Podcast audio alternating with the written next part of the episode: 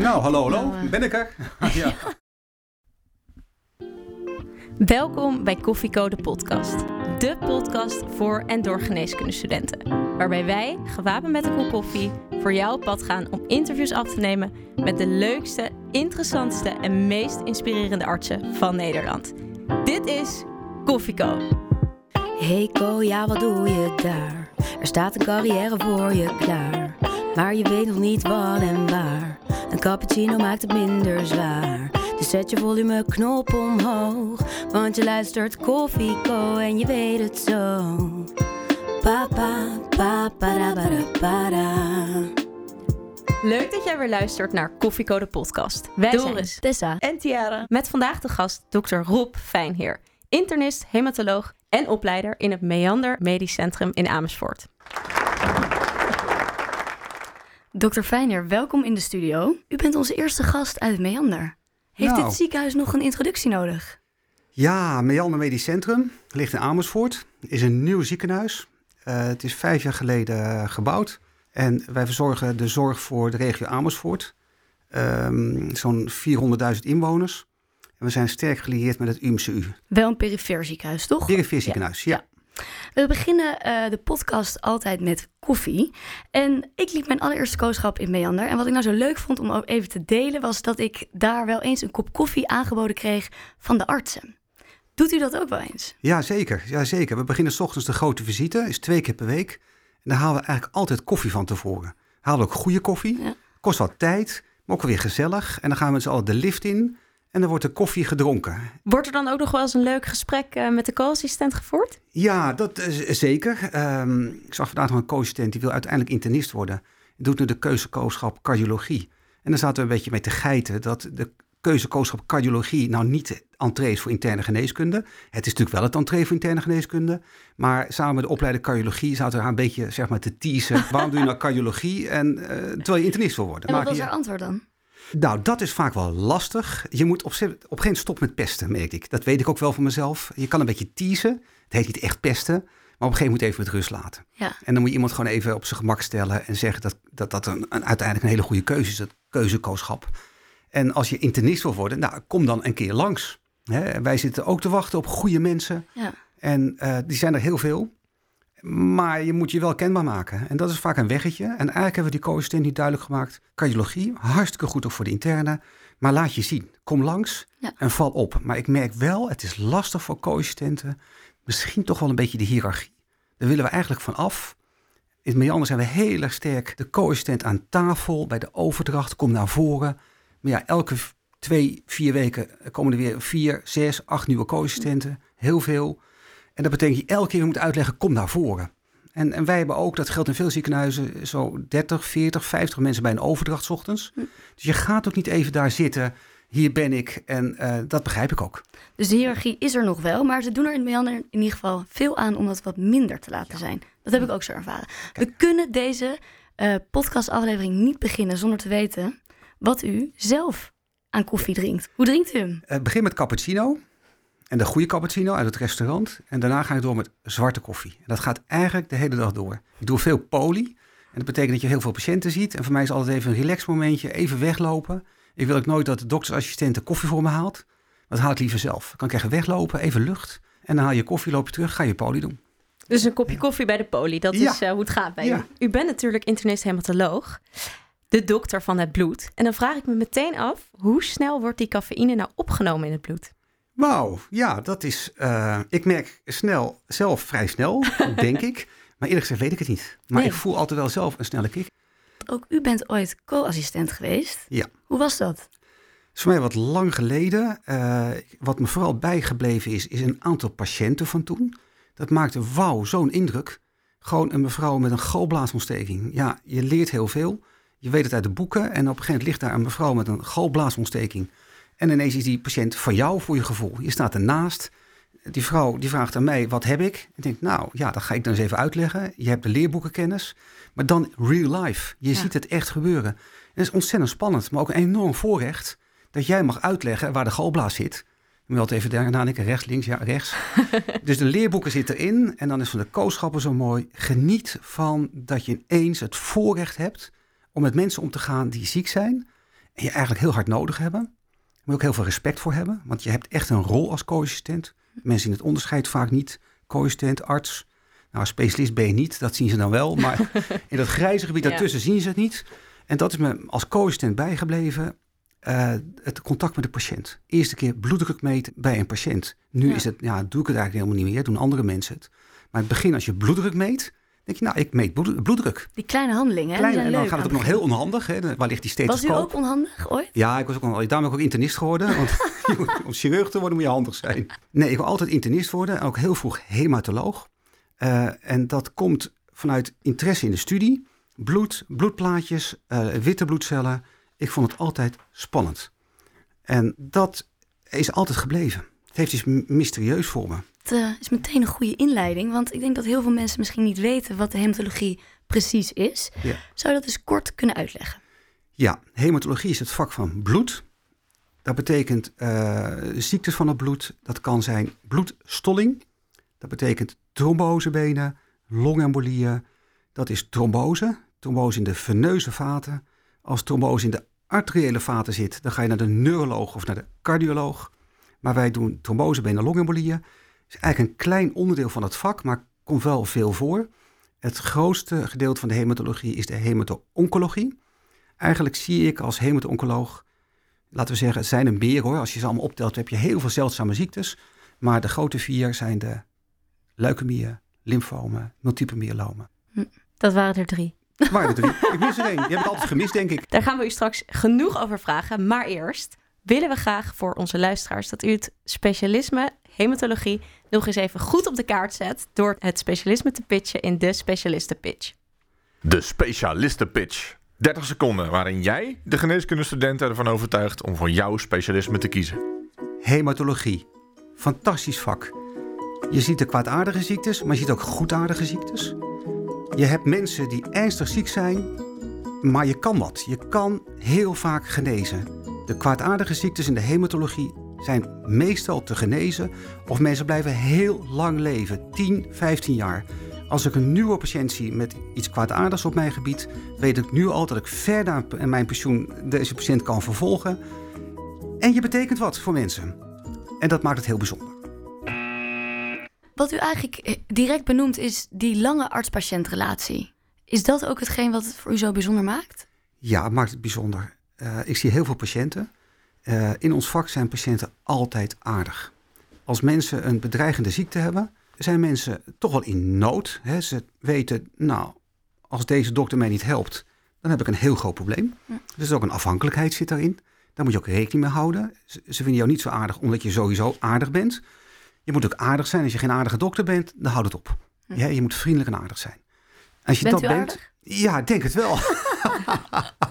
ik denk het wel. En, en dan is het eigenlijk niet zo ingewikkeld. Wel altijd korte bezoeken. We zien 10 minuten per patiënt. En nou, dat betekent dat je zo'n 20, 25 mensen op een ochtend ziet. Dat is veel. Aan de andere kant, eh, wat je heel ziet, mensen kunnen meekijken met, met hun ziekte. Ze kunnen naar de bloeduitslagen kijken. Dat is ook heel erg veranderd de laatste jaren. Je kijkt mee. Dus veel patiënten komen binnen, hebben hun uitslagen al gezien. En die vragen nog even bevestiging. Ja. En dan leg je dat goed uit. Dat is wel een andere manier van eh poli voeren. Ja, de patiënten komen binnen en je hebt altijd de vraag als dokter van hoe gaat het met u? En daar zitten mensen soms helemaal niet op te wachten, maar die willen gewoon een uitslag. En dan zit je soms een paar minuten het gezellig te houden, terwijl mensen zitten daar voor de bloeduitslag. En als ze dat al weten, nou, dan is dat eigenlijk al geparkeerd. En dan gaat het er eigenlijk om, hoe gaat het met u? Ja. Je hebt meer tijd voor het werkelijke gesprek.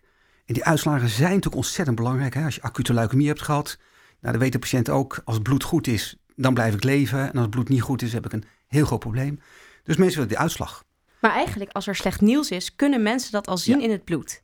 Dus u bent dan niet degene die het slechte nieuws brengt, maar dat zien ze dan eigenlijk al. Bijzonder, hè? Ja, En dat gaat heel goed. Ja, ik denk wel eens dat mensen willen het... Je hebt het gevoel dat je het wil verwerken met een dokter. Maar je wilt het verwerken met je vrouw, met je familie, met je kinderen.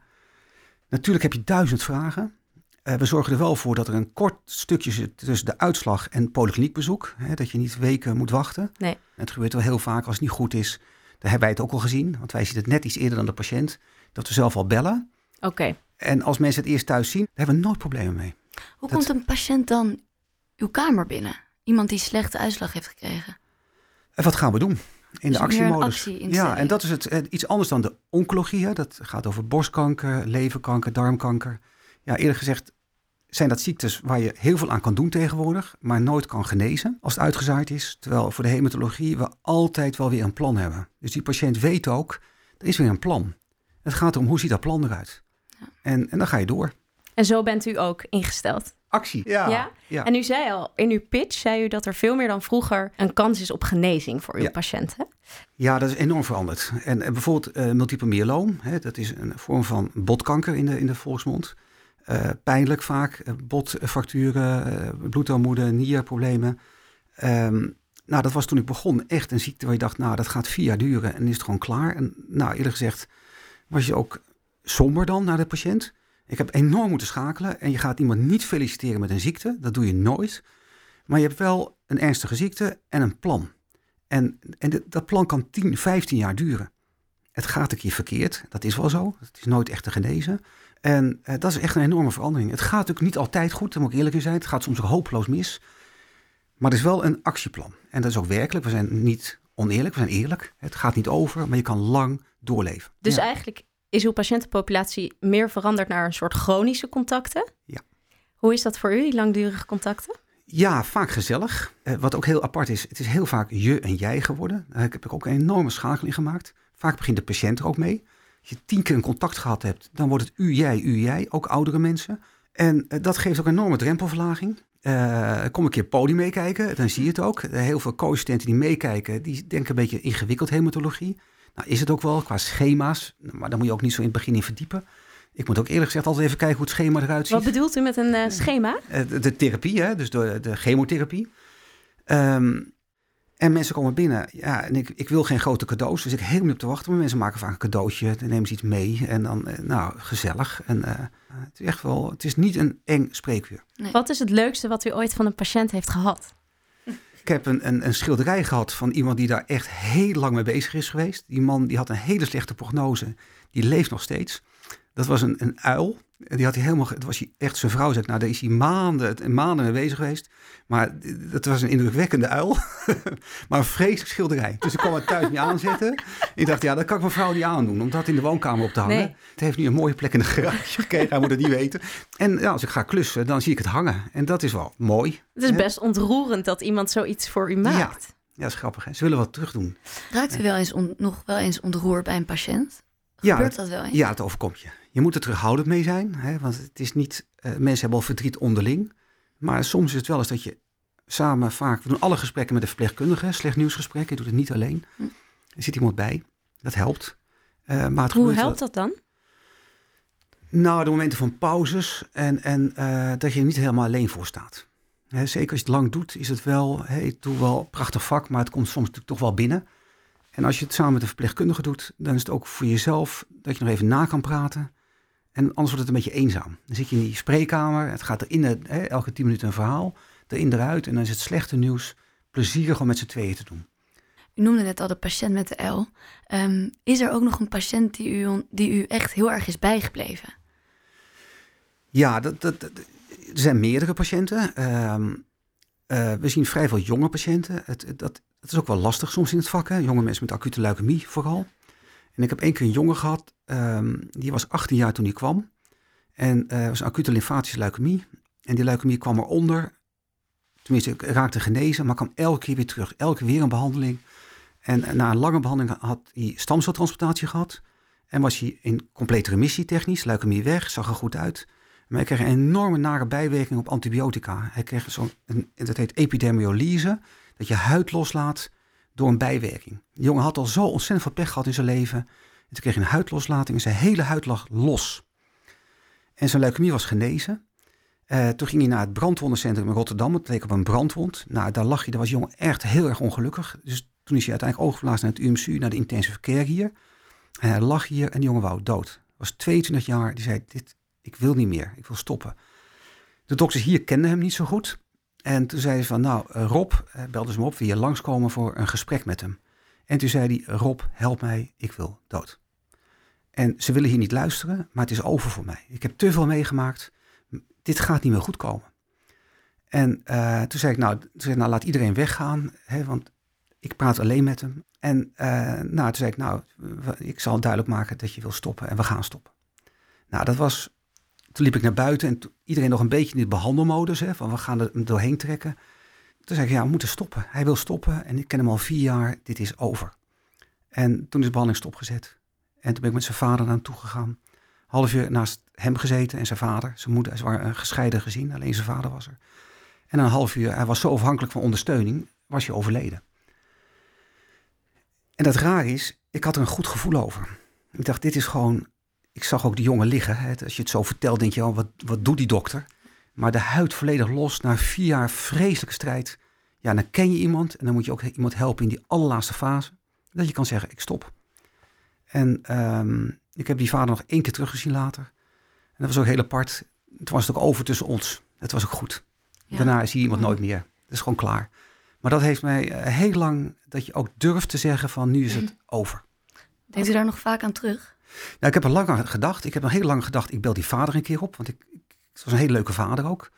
Ik denk, nou, zal hij ook nog wel eens aan mij denken? En ik denk in ieder geval wel eens aan die jongen en dan het contact met die vader. Maar ja, dat doe je niet. Op een gegeven moment sluit je het af. Je, dat gaat ook door het werk. En dat is ook prima. En dan ga je thuis uh, met je vrouw er nog eens over hebben. Maar op een gegeven moment is klaar. Nee, hier vertel ik het weer, maar ik heb het jaren niet verteld. Nee, maar het is toch wel een, een, heel ja. bijzonder moment in uw carrière. Ja. U zegt, ik heb het al jaren niet verteld, maar het kwam er echt uit alsof u het uh, weer als... Ja. ja, dat is wel een beetje heel zo. mooi. Als je het vraagt, dan komt het weer. Ja, het gaat nooit weg. Ja. Dit is natuurlijk een hele jonge jongen geweest van 22. Ja. Dit is een heel triest verhaal. Natuurlijk heeft u het ook over de positieve kanten van uw vak dat er zoveel nieuwe dingen mogelijk zijn. Wat is nou echt een nieuwe ontwikkeling binnen de hematologie waar u ontzettend blij mee bent? Nou, we hebben een zeldzaam ziektebeeld. Het ziektebeeld heet TTP, trombotische trombocytopenische purpura. Dat treft vooral jonge vrouwen tussen de 20 en de 30. En daar heb ik samen met de Bloedbank in Amsterdam heel veel onderzoek aan gedaan. Dat ziektebeeld is helemaal ontrafeld, hoe dat werkt. We weten het precies. We kunnen mensen veel beter begeleiden. En toen ik begon, eh, kon je, als je TTP had gehad en je was uh, jong, het zijn altijd jongens, auto-immuunziekten, jonge vrouwen, dan mocht je daarna eigenlijk nooit kinderen krijgen. Heb ik jaren moeten zeggen aan vrouwen. Nou, tegen een vrouw, jonge leeftijd zeggen, je mag geen kinderen krijgen. En nu hebben we een aantal eh, behandelingen daarvoor. En dat kon ik twintig jaar geleden niet zeggen. En nu kan je zeggen, we gaan er wat aan doen, maar je kan zwanger worden. Dat en is, daarom dat is het mooiste heel... geschenk. Ja dat, is, ja. ja. dat is prachtig. Dus nu met goede begeleiding, goede begeleiding van de gynaecoloog uh, en van ons, kan je zwanger worden. Uw expertise en uw liefde ligt echt bij de hematologie. Ja. Wat wij ons nou echt afvragen is wanneer weet je nou zeker dat dit het vakgebied is voor jou? Ja, bij mij ging het om onderzoek en die fascinatie voor bloed. dat je bloed kan zien onder een microscoop. Je kan de cellen zien, je kan er heel goed wetenschappelijk onderzoek mee doen. Dat heeft mij gefascineerd. Wat is daar dan zo interessant aan? Ja, je ziet de cellen. Je ziet een rode bloedcel, je ziet een witte bloedcel, eh, je ziet uh, een bloedplaatje en, en heel veel van onze ziektes zie je ook in het bloed terug. Als je een tumor in je lijf hebt, dan moet je een biop nemen, moet je chirurg vragen, patholoog. Wij laten gewoon bloed prikken. Heel simpel, en je ziet de ziekte. En dat is, dat is zo dicht bij die patiënt zijn. En, je, en dan zie je de resultaten van je behandeling in het bloed terug. Je ziet ook de nadelige effecten, bloedarmoede, lage bloedplaatjes, zie je ook terug. Maar je ziet ook de positieve effecten. Gaat u zelf als het lab in? Je, niet heel vaak meer. Nee, dat, we hebben heel veel contact met het laboratorium. Daar moet je ook een beetje gek op zijn, getalletjes. En we hebben heel veel contact met het laboratorium. Klinische chemie is voor ons heel belangrijk. Zit er ook nog een praktische kant aan uw vak? BMR-puncties. Oké, ja, ja. dat is uh, nou, twee, drie keer per week een BMR-punctie. Is voor de artsassistent in opleiding ook een, een verrichting wat ze leren. Hm. En uh, als je het heel veel gedaan hebt, is het niet zo ingewikkeld. Maar dat is echt praktisch, BMR-punctie. Vindt u dat ook nog steeds leuk om te doen? Ja, dat is leuk. Als je het heel veel gedaan hebt, is het een trucje. En het is vooral leuk om mensen te leren, want er zit een enorme leercurve in. Als je de, de eerste is echt vreselijk. Ook voor de patiënt vaak niet zo heel leuk. de tweede gaat een beetje beter. En dan nummer 10, dat gaat heel snel. Heb je de leercurve en dan gaat het eigenlijk bijna altijd goed daarna. En dat is, het is een leuke verrichting. Voor mensen wel vaak, uh, ja, je moet het wel netjes doen. Goed verdoven, et cetera. Maar als je veel gedaan hebt, is het niet zo ingewikkeld. Is het iets wat een AJOS al mag doen? Of wanneer mag dit? Uh... Ja, als je internist in opleiding bent, uh, dan is het verplicht zelfs dat je het leert. En dat betekent dat je je tweede, derde jaar het bij ons leert. En daar staan we naast. En dan krijg je zomaar het, het zogenaamde BMER-diploma. Als je tien gedaan hebt. Oh, die bestaat ook echt. Ja, ja, dan moet je taart bakken. En dan kom je terug met taart en dan heb je je BMR-diploma. Ja, Leuk. U, ehm, Is dat wel eens helemaal fout bij u gegaan, zo'n BMR-punctie? ja Kunt ik u heb dat één nog keer, een nare complicatie gehad. Er was ik door het bot heen ge- gegaan. Dat was een hele adipeuze mevrouw. En ik, de oriëntatie was niet zo duidelijk. En dan is het ook wel ingewikkeld hoor. En toen ging ik door het bot heen. Dat voelde ik ook, dat het niet goed zat. En toen bleek ik de nervus ischiaticus te hebben geraakt. En die mevrouw had vervolgens uitval van de bilspieren en van, de, eh, van het femur, zeg maar. Van de heffingsfunctie van het bekken. Die mevrouw kon nog elke half jaar op mijn poli. Nog steeds. Ja, met een krukje. Ze is wel iets herstel. Maar dan ben ik echt wel... Ja, dat vond ik echt heel vervelend. Dat heb ik ook gemeld. Hè. Dat is een nare complicatie. Ja. En ehm, is iemand dan boos op u? nee, niet boos. Ehm, ik denk altijd wel van wauw, wat heb ik gedaan? Het, het is relatief een klein letsel, maar het heeft heel veel impact op je leven. Je, blijft gewoon leven, dat is prima. Maar je kan dus niet meer goed lopen. Ja, dat is wel heel confronterend. En, eh, en dan kan je zeggen sorry. Ja, dat sorry werkt dan niet eigenlijk. Het, het is dieper dan sorry. En eh, je bespreekt met iemand, zegt ook tegen zijn mevrouw, wilt u een andere dokter hebben? Want is toch, nou, dat was helemaal niet de issue. En eh, mevrouw is uiteindelijk qua de ziekte heel goed geholpen. Dus dat was weer, hè, ze is van de ziekte die ze had af. Maar ja, dat maakt wel indruk. En elk half jaar denk ik wel even slik. Hmm, dat is een, echt wel een, eh, een fout Dat is een fout geweest. met Ja. Ik vind het wel heel fijn dat u dit even noemt. Want het is eigenlijk de eerste keer in onze podcast dat iemand zijn fout echt toegeeft hier. Ja. En benoemt. Ja. Het fouten horen erbij. Als Denk ik. dokter. Ik denk dat, Ja. dat, dat iedereen heeft, maakt wel eens een fout. Ja. Als bijvoorbeeld een AIOS een fout maakt. Ja, dat gebeurt ook. Ja. Eh, je moet altijd bedenken, je werkt allemaal samen met een hoofdbehandelaar. Dus de hoofdbehandelaar is altijd verantwoordelijk. De meeste fouten gaan over communicatie. Of fouten, m, gedoe zeg maar. Maar als iemand de ischiaticus aanprikt, als AIOS, dan zijn wij hoofdbehandelaar. Ja. Als een AIOS iets doet, die prikt niet in het bekken, maar die prikt ineens in het onderbeen. Die doet echt iets wat echt volledig buiten het boek is. Dan is hij zelf verantwoordelijk. Maar als je lege artis gewoon prikt zoals je denkt te moeten prikken, dan is dat goed en dan zijn wij verantwoordelijk. We hebben het nu over AIOS. En eh, u bent natuurlijk ook opleider van de AIOS. Ja. Hoe zit dat? Want ik vraag me af, u, bent u nou opleider voor de hematologie of bent u nou opleider voor de hele interne? Voor de interne, eh, wij doen de vooropleiding eh, voor de interne. En de vooropleiding voor de interne geneeskunde is drie jaar. En dan ga je door naar het UMCU voor de vervolgopleiding, in totaal vijf en een half jaar. Maar de vooropleiding interne is ook verplicht voor de geriatrie, voor de reumatologie, voor de cardiologie, voor de longziekte, voor de maart-darm-leverziekte. En dan vergeet ik er niet één. Nee, heb ik ze allemaal te pakken. dus dat betekent dat die vijf andere vakken zitten ook twee jaar bij ons. Die doen twee jaar vooropleiding, geen drie jaar, maar twee jaar. Dus eh, we hebben internisten in opleiding, maar de helft van alle opleidelingen die we hebben zitten voor de andere vakken. U Dus- krijgt zo te horen, allemaal voorbij. Ja. Waar kijken jullie dan naar? Waar selecteren jullie op? Selectie is moeilijk, eh, dat doen we met een groot team. Het zijn twee gesprekken die je hebt, maar je cv is heel belangrijk. Eh, daar is, eh, je moet een hele goede dokter zijn, dat is het allerbelangrijkste. Mhm. Dus heel veel mensen zijn eerst agnio, niet een Ja. opleiding. Jaar, half jaar, jaar. Dan kijken jullie al van, is Dan iemand we. klinisch Dat is voorwaardelijk. Voor wat je ook doet, dat moet goed zijn. Ja. Als je een hele goede anios bent, dan ga je solliciteren voor de opleiding. Dat is ongeveer de helft, denk ik, van de mensen die worden aangenomen. De andere helft voor de interne doet promotieonderzoek, eh, verdiept zich ergens heel goed in. En dan over het algemeen nog een kort aniosschap om te laten zien dat je een goede dokter bent. En dan ga je door. Dus gedeelte is een hele goede dokter op de werkvloer, heeft geen promotieonderzoek gedaan, is gewoon een goede dokter en wil internist worden. Ander gedeelte ook goede dokter, maar die hebben wetenschappelijk onderzoek gedaan. Wat is een goede dokter? Dat is vreselijk ingewikkeld. Daar is geen maat voor. Nee, dat is moet je Ik voelen. wil hem stellen. hè? Ja, dat had ik al in de gaten. Ja, door. Dat beslis ik ook niet alleen. Hè. Ik ga niet alleen zeggen, jij bent een goede dokter of niet. Dat doen we doen met het hele eh, team van ons. En dan kijk je naar iemand en dan overleg je ook in de hele groep. eh, is dit eh, goed? Maar dat is heel individueel. Ja, maar u heeft wel een idee wat, wat, wat prettig is. Ja. Is, er, is er daar iets wat, wat u daarover los kunt laten? Je moet zichtbaar zijn. Hè, je moet, eh, het moet niet dag één, dat is ook niet goed. En je niet gelijk dag één eh, de grootste verhalen. Je moet die subtiliteit wel voelen. Dat is ook een beetje de hiërarchie, eerlijk gezegd, soms. Eh, maar als je even wat verder bent, op het juiste moment laten zien dat je kan redeneren, klinisch redeneren. Iemand heeft een bloedarmoede. En waar komt die bloedarmoede vandaan? Nou, er zijn allemaal leerboekenkennis. En dan vertaal je dat in een wat grotere groep. En je vertelt het naar de patiënt. Je gaat naast de patiënt zitten, wij zitten erbij. En vertel maar eens, u heeft non-Hodgkin lymfoom. Hè? En hoe vertel je dat? Nou, Communicatieskills zijn dus ook heel ja, belangrijk. dat is heel belangrijk. Ja. Ja. En ook weer aardig zijn. Dan komt hij weer. je moet aardig zijn.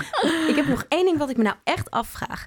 Want als een eh ANIOS dus wil solliciteren voor een eh, plek bij de interne opleiding, Ja. weten die ANIOS'en dan ook al wat ze precies binnen de interne willen gaan doen? Laten ze dat los? Vragen jullie dat aan ze? Ja, ja dat Of- merk je wel.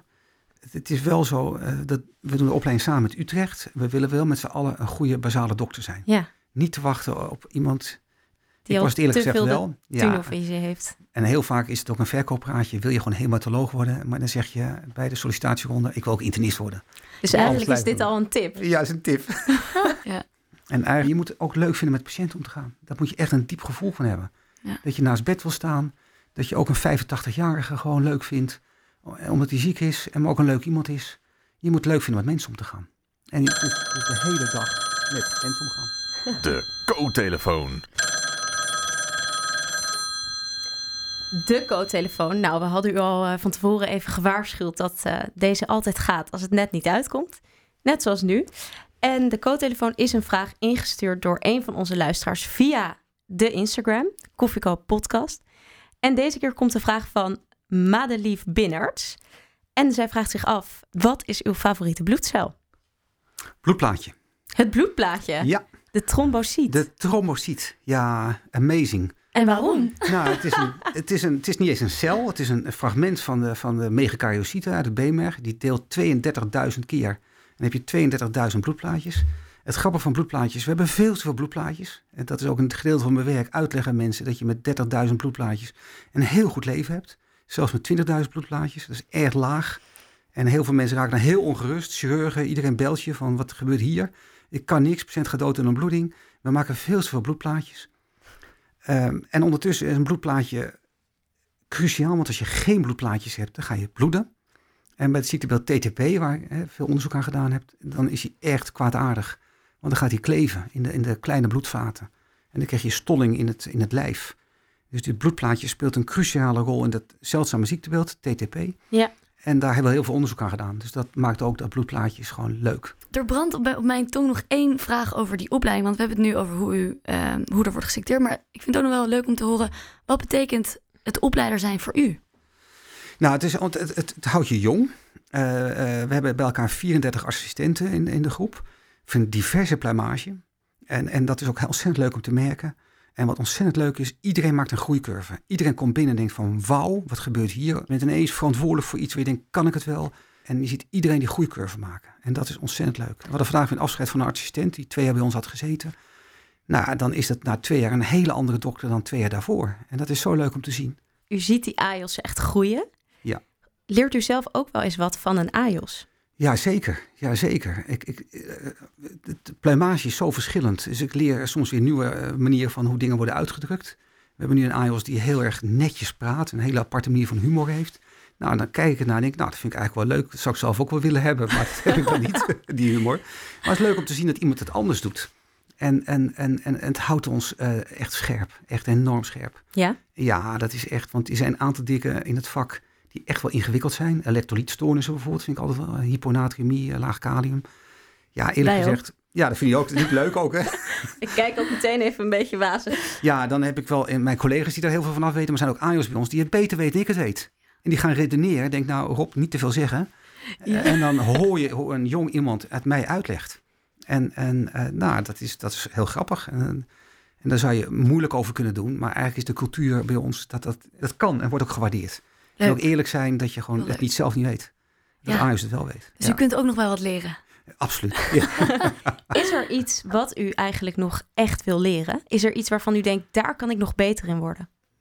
Ja, waar kan ik beter in worden? Ehm, dat merk ik wel met emoties. Dat ik merk dat als je wat ouder wordt, dat je soms wat last hebt van de emoties. Eh, dat je dreigt mee te huilen. Nou, dat gebeurt me niet, want dat mag niet. Dat vind ik ook niet. Dat, dat moet je niet doen. Maar wel die Waarom beheersing. Vindt u echt dat dat niet, dat dat niet kan? Nou, ik heb wel eens gehad, maar daar wordt niemand beter van. Oké. Hm. Jezelf niet, je wordt, het loopt een beetje leeg. En daarna loop je toch alleen weg. Je bent niet de familie, je bent niet de broer, de zus, het kind. Dus dat is niet de plek.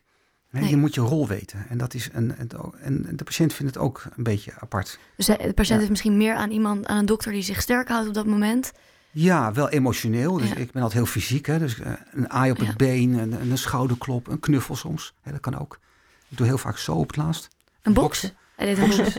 Boksen, een beetje kameraadschap. Eh, maar dan ga je weg. En dan kan je daarna wel nou, met de verpleegkundige. eh fun is het ook, ook soms echt heel naar. eh, dat je nog eens even napraat. Hm. Maar eh, hou het in controle. Maar dat is wel eens lastig. Dat kan ik wel leren. Houden. Ja, De jonge AIOS, waar, waar vindt u dat die dan tegenaan lopen?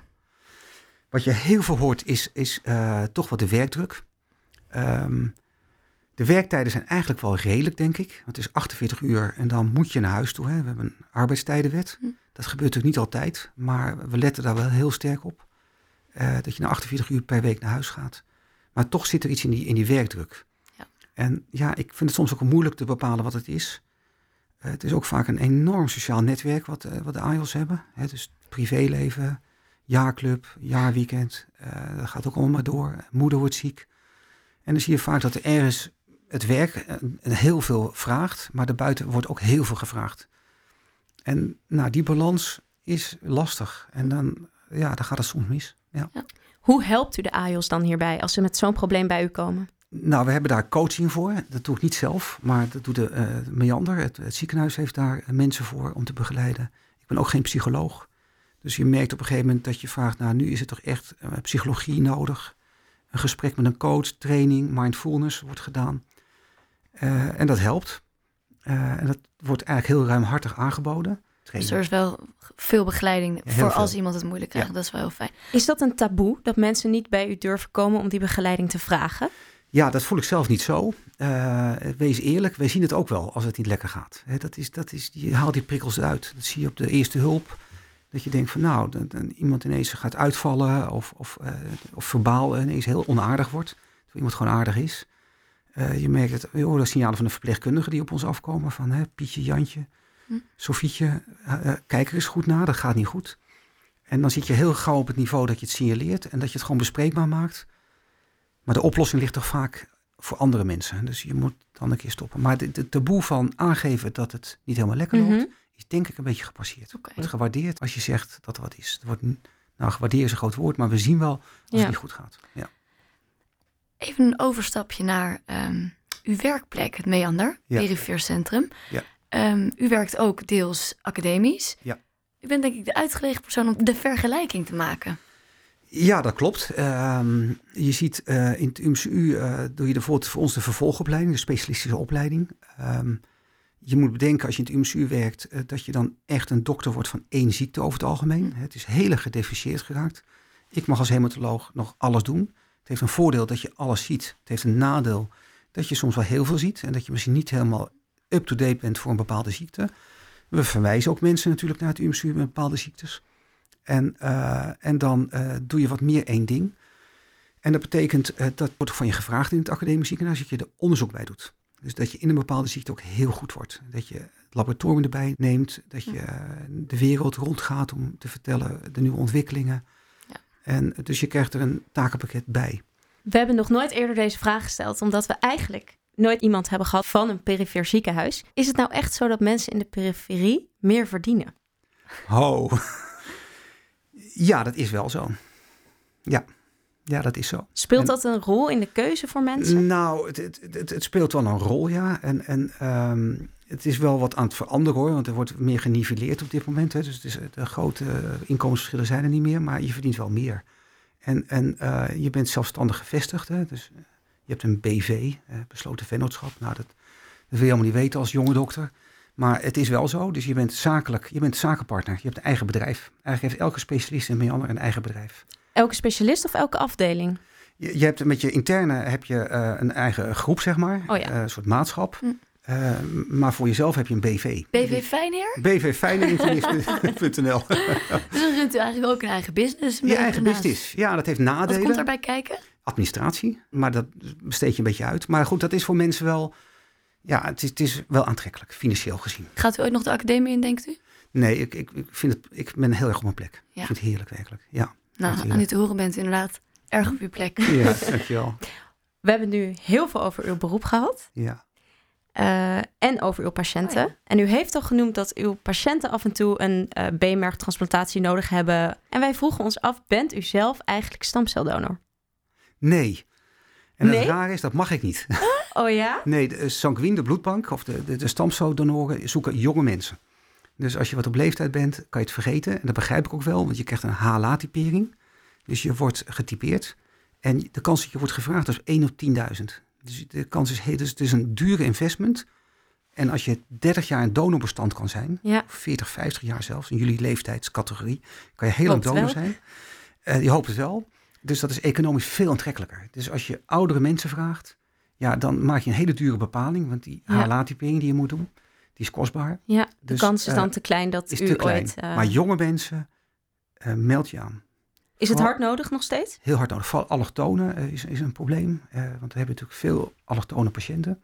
Eh, maar daar zijn relatief weinig in het donorbestand van. Dus alle culturen meld je aan als stamceldonor. Is dat niet mensen. iets internationaals dan?